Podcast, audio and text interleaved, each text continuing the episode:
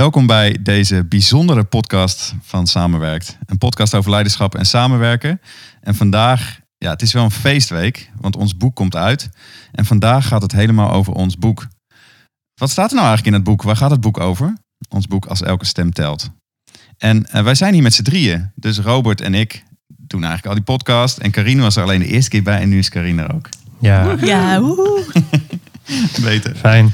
Hey, eh, Karine, eerst maar bij jou dan. Jij vond het volgens mij wel eh, spannend om het de wijde wereld in te gooien, toch? Het boek. ja ik, ben, eh, ik ben niet zo van het eh, eh, dingen op papier zetten en dat delen. Ik hou er, ik hou er heel erg van om te, voor een groep te staan en te praten. Vooral als het niet wordt opgenomen, zodat mensen het kunnen terugluisteren. Dat is ook mijn eh, podcast Hobbel. Daarom ben ik er ook nooit bij. En hetzelfde geldt voor het boek. Op het moment dat het zwart op wit staat, kunnen mensen daar eh, van alles van vinden. En dat vind ik lastig. Dus eh, ja, laat mij maar wat vertellen en het niet opnemen. Hey, maar vind je het wel leuk om te horen dan als mensen heel enthousiast zijn? Of wil je dat dan liever ook niet horen? Of ben je vooral bang dat ze het niks vinden? Nou, wat ik, wat ik wel heel. Ik, ik ben toch echt wel heel erg blij met ons boek. Dus dat vind ik wel heel erg leuk. Dus ik ben ook heel erg blij dat jullie eh, wel eh, heel graag een boek wilden schrijven. Zodat wij nu een boek hebben. En ik ben ook echt wel een beetje trots op ons boek. Het is echt, echt een goed boek geworden. Daar gaan we zo meer over vertellen. Het was ook wel leuk om even te zeggen dat bij het uitpakken van het boek... en wij zaten daarvoor al in de auto samen, waren net bij een klant geweest... toch wel even spannend was, hè? Van als we het boek nou in de handen hebben straks... en we maken daar een filmpje van, dan moeten we wel ergens enthousiast zijn. Maar straks vindt Karin toch die kleurtjes net niet lekker. maar gelukkig, als je het filmpje nog niet gezien hebt... dan, eh, dan kun je hem alsnog even opzoeken op onze social media kanalen. Maar dan zie je dat ze ook echt blij is. Toch? Ja, ik ben echt blij met het boek. Super leuk dat hij deze week uitkomt. Dus, Ja, eh, leuk dat we hem nu kunnen, kunnen delen met de rest van de wereld. Ja, Ja, gaaf.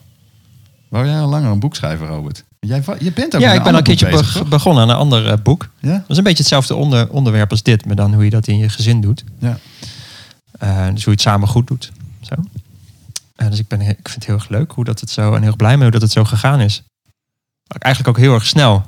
Zo, Ja. Dat er wel zo'n gedachte leefde, maar eigenlijk pas vorig jaar in november ehm, voor het eerst bij elkaar zaten. Ja. En dat die gewoon nu, nu uit is. Ja, super gaaf. En we hebben daar best wel wat lessen in geleerd. En daar gaan we een aparte aflevering nog over opnemen. Dus we gaan nu eerst over de inhoud van het boek hebben. En proberen dat niet al te lang eh, te maken, zodat het ook een beetje hè, ergens in een autoritje kan. En je niet verspreid over drie ritjes eh, die podcast dan moet luisteren. Neer naar Groningen moet. dat je wel naar Groningen moet rijden om die podcast te kunnen luisteren. En dan hebben we daarna nog een aparte aflevering. Die gaan we straks ook opnemen met onze vijf of zes of vier of acht, weet ik veel, belangrijkste lessen. Hey, maar eh, eh, het boek heeft drie delen. Ehm, hart, hoofd en handen. En om maar een, een klein beetje eh, een, een voorsprong op die vijf tips. Nou, we hebben het eigenlijk helemaal niet gehad. Maar volgens mij moet hij er sowieso in. Dat met z'n drie een boek schrijven. Dat dat heel erg helpend is. Als je dan gewoon alle drie je eigen stukje hebt. En het gaaf is dat wij ook alle drie...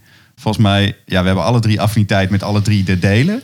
Maar toch wel een beetje het meest met het deel wat we geschreven hebben. Nou, daar kunnen we straks even op reageren. Of in de volgende uitzending. Maar hart, hoofd en handen. En hart is het eerste deel en die is van jou, Robert. Dus Ja. misschien eh, duik jij er maar gelijk in dan. Ja, leuk. Ja. Ik ben heel blij mee sowieso dat we dat zo gedaan hebben. En we zaten natuurlijk vorig jaar in nov- november zaten we in zo'n veredelde staakerven eh te kijken van, nou ja, we gaan een boek schrijven, waar gaan we het over doen en eh, hoe gaat het eruit zien? Ehm, en toen kwam eigenlijk deze, deze drie eenheid kwam, eh, kwam langs. Wat ik heel erg tof vind, omdat het zo eigenlijk alles wel eh, raakt van, van, van ons dagelijkse leven. Zo, hè? Het is fijn om te begrijpen, het is fijn om het te voelen en fijn om het te kunnen doen. En ehm, dat is leuk. En ik vond het heel erg tof om eh, deel, eh, deel hart te schrijven. En ehm, ja, waarom dat voor, mij, dat voor mij wel zo leuk was om te doen en ook zo belangrijk is dat we leven natuurlijk wel in een, in, een, in een maatschappij van het hoofd. Veel willen begrijpen en, en willen doordenken en analyseren. En, en het gevoel daarbij is niet altijd even aanwezig of even gewaardeerd. En daarom extra mooi om daar ook een, een, een deel over te schrijven. En ehm, mee te kunnen geven dat, eh, voor- vooral ook in een managementboek eigenlijk, dat je ehm, dat het heel erg dat het vaak gaat over verandering. Nou, dit is een thema waar we over schrijven, wat, wat eh, ehm, voor mij wel heel erg als kloppend voelt. Maar als je kijkt naar hoe dat, we, dat we het dagelijks vaak doen, dat dat niet heel erg vanzelfsprekend is om het ook zo te gaan doen. Ehm, dus dat vraagt ook over verandering veel. Eh, en, en wat is dan verandering en, en hoe doe je dat en wat kom je daarin tegen?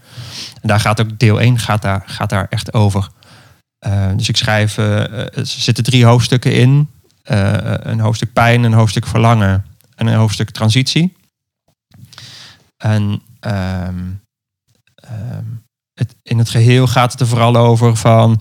wat is nou een beetje de maatschappelijk-psychologische context van, van het onderwerp waar we het over hebben. Uh, dus wat is, de, wat is de pijn waar je tegenaan kan lopen als organisatie of als team als, je, als, als dit er niet is? Ja, dus, dus, dat het niet functioneert of dat je ruzies hebt of nou, dat, soort, dat soort zaken. Je hebt daar, je hebt daar het, in het hele boek allerlei verhaaltjes bij je uit de praktijk, echte anekdotes. Ja. Kun, je, kun je misschien over die pijn iets vertellen? Of waar je gelijk aan denkt bij. Nou, het, het, het begint, het, het deel en daarmee ook het boek begint ook met een van, de, van mijn eigen ervaringen die ik had toen ik projectleider was, technisch projectleider was. En um, um, voor een toets bij een, bij een collega-afdeling kwam. Die moesten toetsen of dat het uh, beheerstechnisch goed was waar we mee, mee bezig waren met een project of een ontwerp daarvoor. En die relaties toen de tijd, hè, dat is al een tijd geleden, maar die relaties tussen die afdelingen die waren vrij contractueel en er was ook waren aparte directies. En en er was altijd, de een vond altijd dat de ander zijn werk niet goed deed en vice versa. Dus er was heel veel voor ingenomenheid. En, en die, die toetssessie, dat was echt een soort. Uh, ja, dat was, was, ik werd echt afgefakkeld van. Nou, dan gaan we dit weer en dat weer en zus weer en zo weer. En dat is dus wel een pijn die je kan ervaren als, je, als, je, als, je geen, als er geen vertrouwen is, geen veiligheid is, geen verbinding is. Um, en je eigenlijk in eenzelfde organisatie heel ver uit elkaar staat. Ja.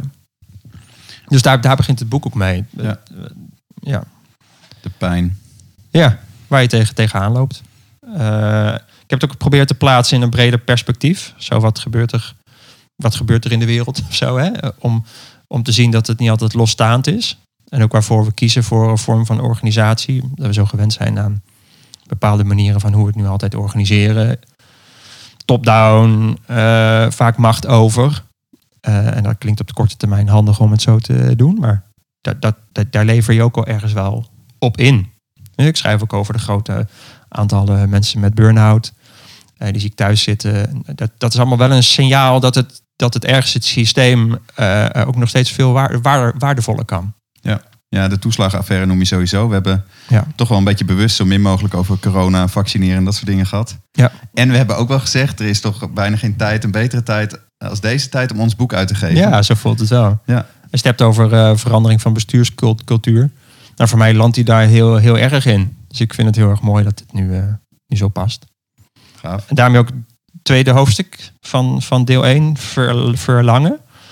Um, het is pijn en verlangen. Als de mensen in beweging komen, dan is het een van die twee. Of ze lopen heel erg vast, dus ze moeten wel. Of ze verlangen heel ergens naar en dan gaan ze, komen ze daardoor in uh, beweging. Um, en in het verlangen gaat het vooral over, en die loopt als rode draad verder door het boek heen. Gaat, we komen eigenlijk uit bij, bij, bij zes basiswaarden van waar eigenlijk waar iedereen behoefte aan heeft. En um, van waaruit je dan kunt gaan samenwerken. Uh, en die, uh, die uh, omschrijven we uitgebreid in het boek. En jouw deel, Karin, daar ga je daar verder op in hè, als, als toelichting. Ik probeer ze even uit mijn hoofd te doen. Het is veiligheid. Ik, ik, moet hem even bijhalen. Dat is toch erg dit. Hè? Nou, Karin, weet ik, ik zit er middenin. Ja. ja, doe eens. ja, veiligheid en vertrouwen, dat zijn de eerste twee. Ja. En daarna hebben we autonomie en creativiteit. En daarna verbinding en gelijkwaardigheid. Ja, fijn, dankjewel. Van de zenuwachtigheid, dan vergeet ik ze. Het is zo spannend dit, hè?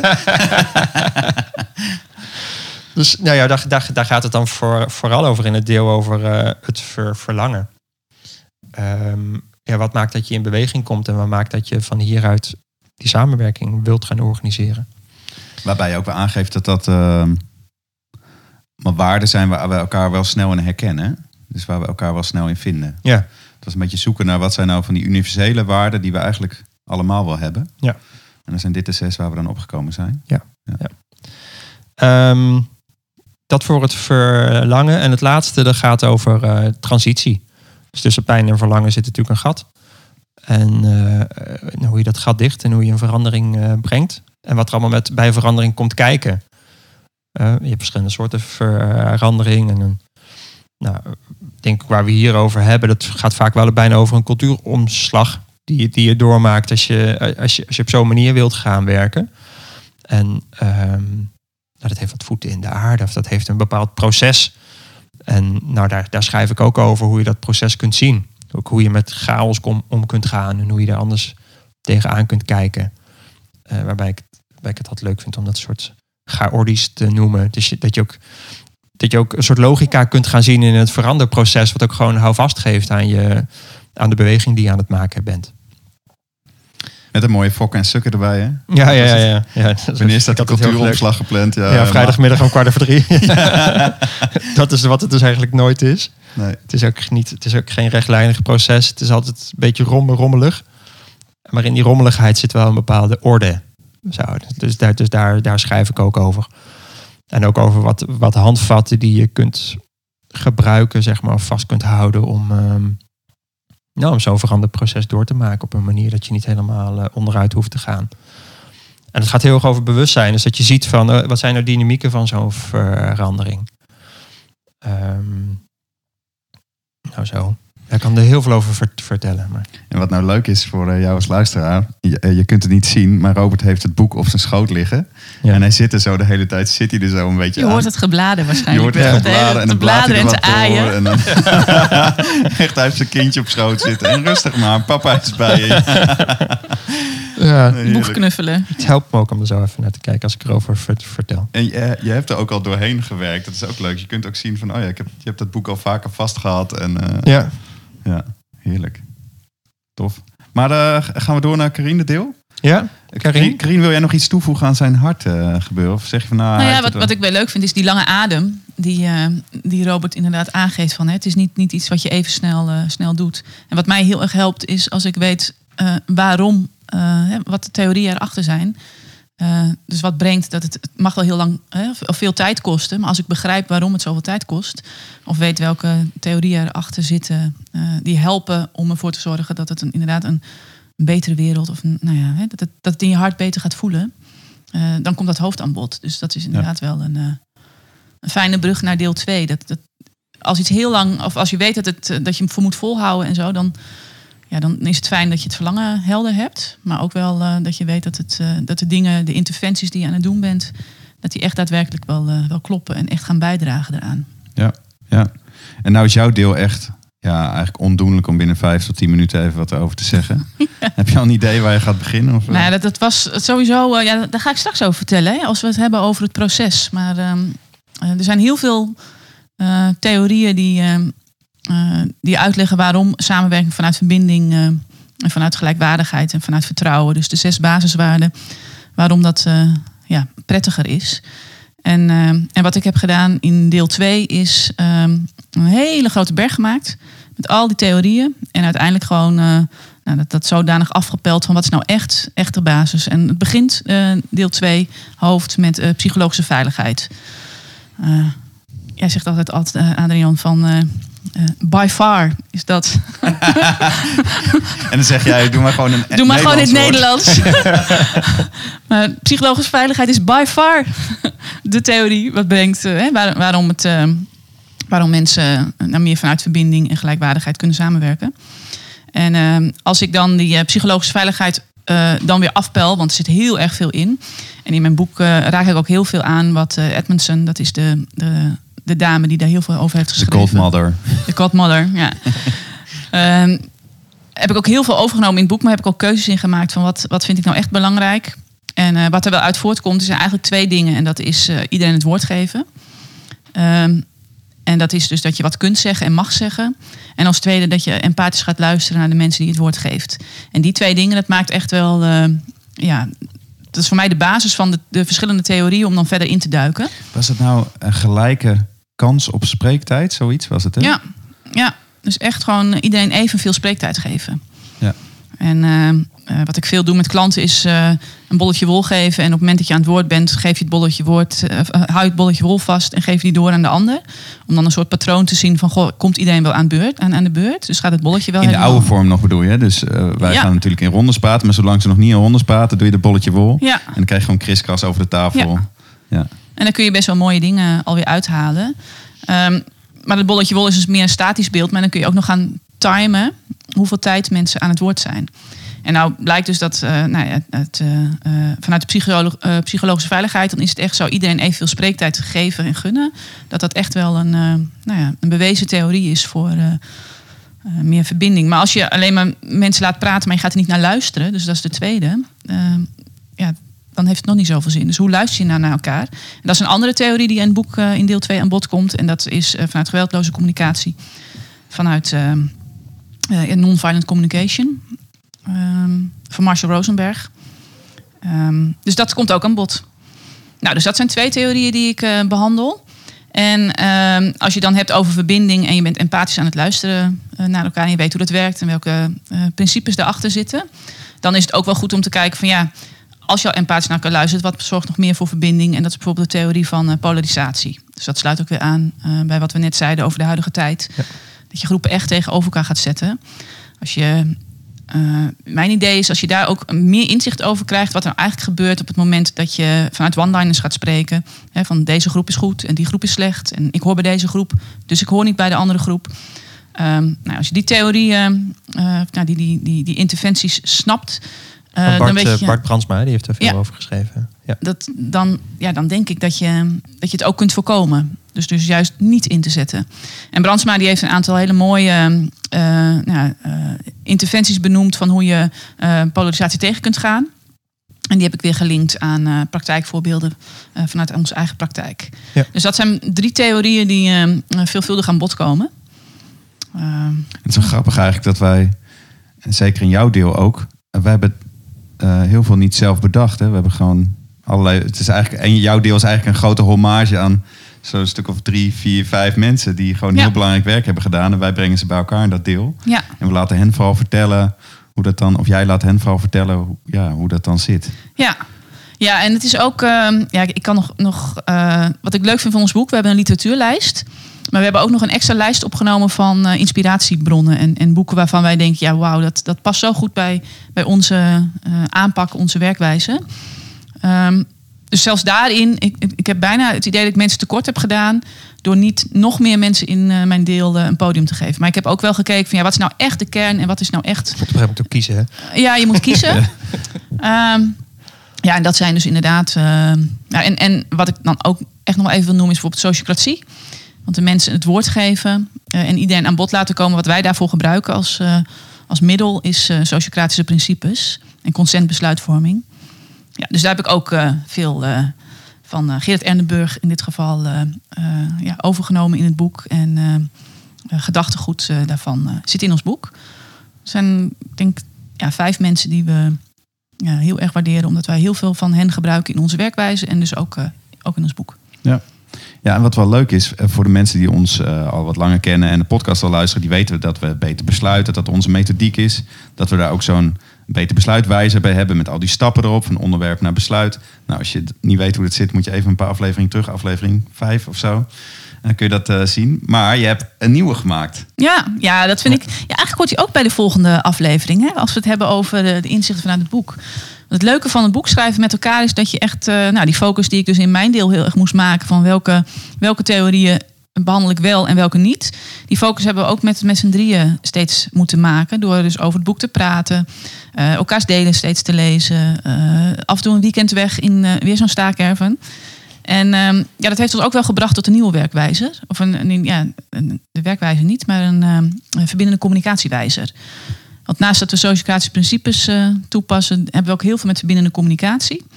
En het leuke is, we hebben ehm, bij Beter Besluiten we procesregels. Hè, die heb je al een keertje langs, eh, of die zijn al een keertje langsgekomen. Maar we hebben nu ehm, eh, intenties. Dus intenties die je eh, toe kunt passen als je, als je aan het werk bent met elkaar. Nou, de eerste is eh, iedereen is gelijkwaardig. Dus dat is wel eh, Dat is geen verrassing. geen verrassing. Nee. En daarvoor eh, gebruiken we dus inderdaad beter besluit. Het leuke is, we hebben dit. eh, het is nu eigenlijk een soort voor- en achterkant van een, eh, ja, een wijzer. Dus eh, als je aan, aan de slag gaat met onze werkwijze, dan kun je hem echt bijhouden. En je kunt ze in beeld houden. Je kunt er rustig naar kijken. En de stappen staan er inderdaad ook weer op. En dat zijn dan de stappen van verbindende communicatie. En uiteraard in het boek, hè? Dus, De wijzen staan ook in het boek, ja. Dus als je het boek koopt, dan staan ze er sowieso in. En als je inschrijft voor onze boekpresentatie op 4 november...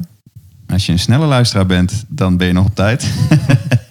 en als je na 4 november luistert, dan is er vast nog wel een andere vorm op onze, web, op, op onze website staan ze ook. Ja, kan je, je ze kijken. vinden. Ja. Dus, eh, en die wijzen zijn eh, keer op keer heel behulpzaam om gewoon voor je neer te leggen en visueel te zien. Oké, en dan stapje voor stapje het gewoon langs te lopen. En we hadden natuurlijk al beter besluit bemiddeling. Hadden we er ook een van. En die hebben we ook besproken in een eerdere podcast al. En nu is deze dus bijgekomen. Daar ben ik heel blij mee. Je wou zeggen, als je inschrijft voor onze digitale boekpresentatie 4 november, Oh, krijg, ik je, ze, er niet af. Ja. krijg je ze in je mail, mail- mailbox. Zodat Ja. je ze zelf uit kunt printen. krijgt ze gewoon een hoge kwaliteit in je mailbox. Kun je ze lekker rondsturen naar je team. En uiteindelijk is... eh, zal ik hem overnemen? Want ik, ja, Ja, ja, ik zit er nu eigenlijk al een soort stap naar drie te maken. jouw deel hè? Handen. Ja, ja het- wat we graag wilden is dus dat je ook ermee aan de slag kunt. En het was grappig dat ik geloof dat mijn schoonmoeder pas zei van straks hebben ze het boek gelezen en hebben ze jullie niet meer nodig. Dus nou, dat is toch fantastisch, zeg maar, als dat boek blijkbaar het laatste setje was om het gewoon zelf te gaan doen. En dat is wel wat we graag willen. En dat is ook waarom we die wijzes ook aan je willen geven. Dat als je merkt van ja, wij kunnen dit, wij zijn hier klaar voor, ga het lekker doen. Ga ermee aan de slag. Als jullie er blij van worden en als jullie team er blij van wordt en als jullie mensen gelukkig zijn en zo, dan worden wij ook blij. Geef ons wel even seintjes, dat zo is, vinden we heel leuk om te horen. Ehm, ja, fantastisch, maak er lekker gebruik van. Nou, en het derde deel, dat handen, is dus ook om echt concreet aan de slag te gaan met al die, eerst die verlangens van deel 1, die herkenning en die kernwaarden. En dan in deel 2 dat je denkt van, hé, het gaat ook nog ergens over. Het is ook, ook nog ergens ondersteund door allerlei theorieën, maar hoe ga ik dat dan doen? En ik zat te denken, wat is nou eigenlijk de essentie van mijn deel? Eh, van dat handen is vooral van hoe eh, vanaf het moment dat je enthousiast bent en je team mee wil nemen, daar begint het eigenlijk al. Hmm. Eh, dus zowel dat gelijkwaardige en die eh, verbindende taal. ehm, die veiligheid faciliteren, al die dingen beginnen op het moment dat je bedacht hebt van ik wil dit graag met mijn team gaan doen. Ehm, hoe gaan we dit doen? Dus in het deel handen krijg je vijf stappen. En de eerste stap is ook eh, neem je team mee in wat je aan het doen bent. Waarbij die taal van verbindende communicatie helpt om je verlangen kenbaar te maken. Ehm, nou, geef nog een aantal tips om je team dan mee te nemen. En als ze een beetje aangehaakt zijn, als ze denken, nou, dit is misschien wel interessant, dan worden we concreter met eh, het praten in rondes bijvoorbeeld, wat in die eh, beter besluit eh, methode van ons ook zit, waar die gelijke kans op spreektijd in zit, waar ook het empathisch luisteren naar elkaar een soort van gefaciliteerd wordt, omdat je gewoon, sorry voor degene die het lastig vindt, je mond moet houden als je niet aan de beurt bent. Ik beloof je, daardoor ontstaat er een soort ruimte om te gaan luisteren naar de ander. Wat zegt die ander nou eigenlijk? Ehm, en als we dan in rondes praten en, en eh, die veiligheid ontstaat door te gaan luisteren naar elkaar, dan is de volgende stap: neem dan een besluit met consent met elkaar. Nou, daar kun je ook weer een hele podcastaflevering over luisteren. Ehm, het gaat erom dat een besluit dan gedragen wordt door iedereen, dus dat er geen meerderheid of minderheid meer is. Nou, er komen allerlei ehm, eh, bezwaren wel om de hoek. Van het duurt toch allemaal veel te lang. En wat als iemand per se zijn zin wil krijgen. Dus we hebben geprobeerd ook een beetje de meest gehoorde bezwaren. ehm, De jamaren alvast. ja, ja, ja. Want er zijn ook dingen die het best wel eens ingewikkeld maken. En we hebben geprobeerd wel dat samen te inventariseren. Wat zijn de dingen die het meest langskomen? En hoe kunnen we die dan een soort van nou, tackelen of gewoon toelichten? Ehm, dus dat zit er ook allemaal in met allerlei verhaaltjes. Ook hier weer tussendoor. Ja, dat zei ik net al. Dat hebben we in alle drie in onze delen heel veel praktijkvoorbeelden erbij gehaald.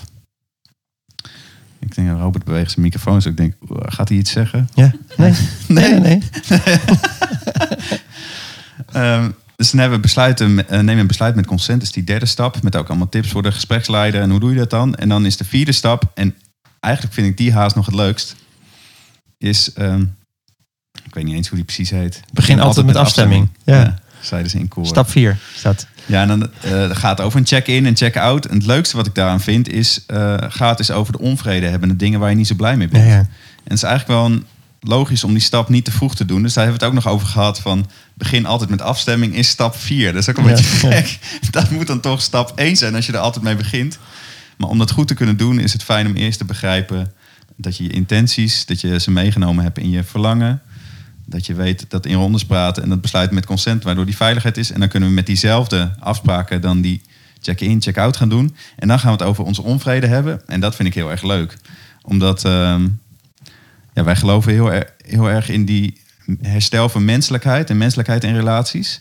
En dat we dan, eh, als we met elkaar samenwerken, die ander zien als ook gewoon maar een mooi, ja, niet gewoon, heel bijzonder mooi mens met legitieme behoeften. En ook, ja, die doet misschien wel dingen die ik lastig vind. Maar als we daarover in gesprek komen, we gaan die ander echt begrijpen. En we hebben die gelijke kans op spreektijd. En we gaan empathisch luisteren naar elkaar. Dan horen we opeens waarom iemand iets doet. En dan is het soms eigenlijk best wel voor te stellen. En als we dan op dat behoefteniveau met elkaar spreken, dan zijn we weer in contact met elkaar. En ik vind het leukst als, als gewoon de oude troep opgeruimd is in een team. en we hebben tools om eh, met frisse moed eh, samen de toekomst in te gaan. Dat vind ik heel leuk. Dus ik, ik hoop dat de teams ook op dat punt komen. Dat ze zeggen van, oh ja, het werd op een gegeven moment zo veilig dat we zeiden, nou, nu kunnen we nu ook wel die roze olifantjes, of hoe zeg je dat? Die olifantjes onder de tafel, of dat waar we eigenlijk over moeten hebben, maar wat we eigenlijk allemaal een beetje spannend vinden. Nu zijn we er aan toe om dat ook te doen. En die heerlijke opluchting als dat dan eh, gewoon eruit is en niet meer ergens is zonder dat het besproken wordt. Je stelt ik voor om een onvrede teamdag te organiseren. Ja, Ja. ja. als het dan eenmaal zo veilig is, ga dan eens gewoon een dag bij elkaar zitten en, en ga eerst eens inventariseren van nou, ja, welke dingen vind je eigenlijk helemaal niet fijn gaan. Ja, dat is de onderstroom. Ja. ja, en als je dan die taal van die verbindende communicatie hebt, zoals Karine het weer helemaal uitlegt in haar deel, dan, eh, dan kun je die ook gaan bespreken met elkaar op een constructieve manier. Nou, dan gooi je die rondes er nog bij. En is het nog nodig om hier een besluit over te nemen? Dan nemen we er ook nog een besluit over. Nou, dan is die helemaal rond. Ja, en de laatste stap is eh, maar een paar woorden. Maar is vooral een laatste aanmoediging om vooral door te blijven gaan en te blijven vertrouwen. Want wat eigenlijk bij, bij ons alle drie wel langskomt, het is, het is niet een eh, quick fix. Het is niet een overnight succes. Engelse woorden. De lange adem. Lange. Nou, dat is het wel. Hou weet je. vol, zo heet hij volgens mij ook. Volhouden en doorgroeien. Volhouden, doorgroeien. Nee, want het is wel eh, die. En ik, de laatste tijd zeg ik het ook vaker. Denk ik ook mijn les naar aanleiding van het boek om dat nog meer te benadrukken. Van eh, kijk naar die punt op de horizon waar je naartoe wil. En waar je naartoe wil is een plek waar iedereen zich veilig voelt. Waar we gewoon mensen onder elkaar mogen zijn. Waar alles gezegd kan worden. Waar de besluiten die we nemen gedragen worden door iedereen. Waar openheid is. Nou ja, eh, psychologische veiligheid, optima forma. En als we daar willen komen, dan heeft het in het nu gewoon wel tijd nodig. En daar ben je niet zomaar. En we hebben ook nog een geschiedenis, een individuele geschiedenis. Van hoe onze papa en mama, zeg maar, met ons omgingen en wij met hen. Maar ook als collega's hebben we een geschiedenis. En het heeft gewoon tijd nodig om daar over in contact te komen met elkaar. Dus, dus neem die tijd en hou dat, dat punt in de verte voor ogen. En dan eh, kan dat een hele mooie toekomst worden. Ik dacht, we- misschien nog een paar minuten Ja. eh, kijken van wat is nou voor jou en dat we dan alle drie iets over zeggen. Ik heb nu ook wel, we hebben alle drie eigenlijk wel wat over gezegd, maar een soort van de essentie van het boek of zo. Wat, wat hoop je nou als mensen het boek gelezen hebben en ze hebben één ding wat ze onthouden? Wat is dan je hoop, Hmm. je wens? Zou ik even noem- noemen wat er nog meer in zit? Naast de inhoud. Ja, ga je gang. Naast Kunnen we, ondertussen even nadenken daarover? Ja, precies. Voorwoord van Jan Rotmans. Heel blij, blij mee. Ehm, vooral juist omdat het zo gaat over zo'n verandering over de lange termijn, waar hij natuurlijk heel erg ehm, eh, met transitiekunde veel mee bezig is. Eh, er zit ook een transitietabel in. Heb jij opgesteld, Karin? Eigenlijk beginnen we aangegeven van waar komen we vandaan en waar willen we naartoe. Een soort oud en nieuw ge- ge- gedrag. Wat, ehm, eh, twee bijlagen met eh, gevoelens en behoeftenslijsten bij de verbindende communicatie. Kan heel erg helpen om te, om te ontdekken van wat is nou eigenlijk mijn gevoel of mijn behoefte eh, hierbij. Ook goed te gebruiken bij de check-in en de Een check-out eh, uitbreiding rondes. van je vocabulaire ook. Ja. Nou en dat. En ehm, wat leuke QR-linkjes naar eh, filmpjes van beter besluiten. Ja. ja. Karine, weet jij het al? Wat voor jou de... Nou ja, wat, wat ik ook wel nu weer uit dit gesprek ehm de uithaal, is dat het inderdaad gewoon. Ehm, volgens mij willen heel veel mensen willen dit wel. En ik denk dat heel veel mensen ook wel een beetje eenzaam in zijn. Dat ze denken van ja, ben ik nou de enige hier in de organisatie of de enige in het team? Of nou, ook in de huidige tijd ben ik de enige die nu, nu het gevoel heeft van eh, wat zijn we met elkaar aan het doen en waarom doen we het niet goed voor iedereen? En hoe kan het dat het voelt alsof je het alleen maar goed doet voor een bepaalde groep? Ehm, en volgens mij kan het ook zo in organisaties voelen. Ik, denk, de- ik, ik hoop als mensen dit boek lezen dat ze denken: oh ja, ik ben misschien niet de enige door alle praktijkvoorbeelden. Dat ze weten dat wij ook met heel veel organisaties werken die op deze manier aan de slag zijn. En dat ze ook een soort ehm, toekomstbeeld voelen eh, en zien van oh, het, kan echt anders en hoe het dan moet. Dus eh, dat ze geraakt worden in ehm, nou, een soort gelijkgestemdheid en eh, denken van ja, volgens mij er, er moeten toch veel meer mensen zijn die, die het ook echt goed willen voor iedereen. Ehm, en het kan anders. Dus ik hoop dat het boek daaraan bijdraagt. Aan echt die grote verandering van eh, op een andere manier met elkaar gaan samenwerken. Eh, veel meer vanuit verbinding en gelijkwaardigheid. Gaaf. Yes. Voor jou? Dit wil ik ook graag zeggen. Maar laat ik iets dan aanvullen of iets anders zeggen. Ik hoop dat mensen eh, er milder door naar zichzelf en naar een ander gaan kijken. En dat ze elkaar eh, nog meer gaan zien als... ehm, oh, jij bent zo'n kwaaie niet. En wij gaan er samen wel uitkomen. En met die mindset, ik merk dat ik eh, daar de afgelopen jaren wel heel erg gegroeid ben. En daar ben ik heel dankbaar voor. Dat als mensen echt hele irritante dingen zeggen, word ik soms nog steeds in een opwelling wel boos. Of ben ik geraakt of weet ik wat. Maar dat diepe geloof van, maar die ander is echt een mooi mens. En, en blijkbaar snap ik die ander nog niet. En laat ik nog eens een vraag stellen. En ook de soort mildheid naar mezelf. Ook blijkbaar raakt me dit zo. eh, blijkbaar gaat het over iets wat ik heel belangrijk vind. Hoe zou ik dat bespreekbaar kunnen maken? Dat heeft me zo geholpen om veel meer in verbinding met mezelf en met de anderen om te gaan. En wij oefenen dat met z'n drieën natuurlijk ook regelmatig. En dat vind ik zo, zo heerlijk vervullend om te merken van... oh ja, we hoeven niet gescheiden te zijn. We kunnen echt verschillend zijn en toch samen. Weet je, we kunnen alle drie een deel schrijven en het is wel echt één geheel. Ik hoop dat mensen dat heel erg voelen. Van, nou ja, ik wil niet al het gras voor jouw voeten. Nee, ik kan zeggen, ik heb niks, niks, niks meer over. nou, ik wou iets gaan zeggen en ik dacht, oh ja, dat zou zomaar kunnen dat Robert het ook gaat zeggen. Maar dat is die verschuiving van of-of naar en-en. Dus dat het niet meer of hart of hoofd of handen is. Nee, ze zijn alle drie eh, heel belangrijk. En ehm, dat is zo vaak in ook de discussies die ik nu zie, die tot scheiding leiden. Dat ik denk, oh ja, als je kunt zien van, oh die ander is waardevol, ik ook. En wat die ander vindt, dat is misschien ook wel waar. En wat ik vind, is misschien ook wel waar. Misschien is het wel en-en. En laten we samen eens zoeken waar dat en-en dan in zit dat is zo veel vervullender dan die wedstrijd en je terugtrekken in je eigen hokjes. En eh, nou ja, lang verhaal, maar dat is mijn hoop. Ja. Robert, ik heb nog. nog wat over. Even onze procesregels bij beter besluiters van niet in herhaling. Gebruik, je spreekt dit efficiënt. Dus ik zal niet in herhaling vallen. Maar wat ik wel hoop is dat het wel... Natuurlijk is het deels, deels herhaling hoor. Maar wel dat, dat men zo het geloof ook weer krijgen. Of het bewustzijn krijgen van oh, dat dit, dit kan. Dit kan en en. We kunnen en een goed systeem hebben. En we kunnen menselijk met elkaar omgaan. En juist ook vooral in deze tijd waarin we zien dat soort systemen af en toe een doel op zich zijn geworden. En iedereen wel verlangt omdat die, dat die menselijkheid er ook weer een plek in kan vinden. Ehm, maar hoe dan? Nou, nou ik, ik hoop gewoon heel erg dat men voelt hiermee en ziet hiermee. Beide voelen en zien dat, dat, dat er echt een alternatief is. Yes, Yes, heerlijk. dat. Lekker, lekker kort. Ja. Goed man. Hey, wat leuk dat je hier naar luisterde. Ja. En als je het boek nou wil lezen, dan kun je hem bestellen ja, dat kan via ook nog, hè? eh, samenwerkt.nu, onze website slash boek. Ja, of gewoon de titel van het boek, hè? Als elke stem telt. .nl. .nl. Ja, oh, dat kan ook nog. Ja, dat is een, het ziet er heel gek uit wel als je het intikt met al Ja. die- Ik denk, wat staat daar? Maar als elke stem telt.nl. En wij vinden het ontzettend leuk ook om te weten wat je van het boek vindt. En als we dan alle vliegen in één klap staan, dan stuur je dat niet gewoon rechtstreeks naar ons, maar dan deel je dat op social media. En dan tag je ons daar even in. Dus dan kunnen wij het blij, lezen. blij, blij van. Ja, en dan kan de hele wereld het lezen. Ehm, en daardoor misschien ook wel aangestoken worden met dit eh, vuurtje. Eh, laat ons ook verder weten wat je van de podcast vindt. En eh, wij vinden het altijd leuk om reactie te krijgen.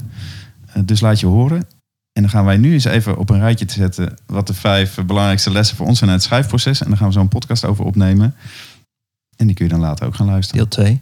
Deel over het 2. boek. Doei.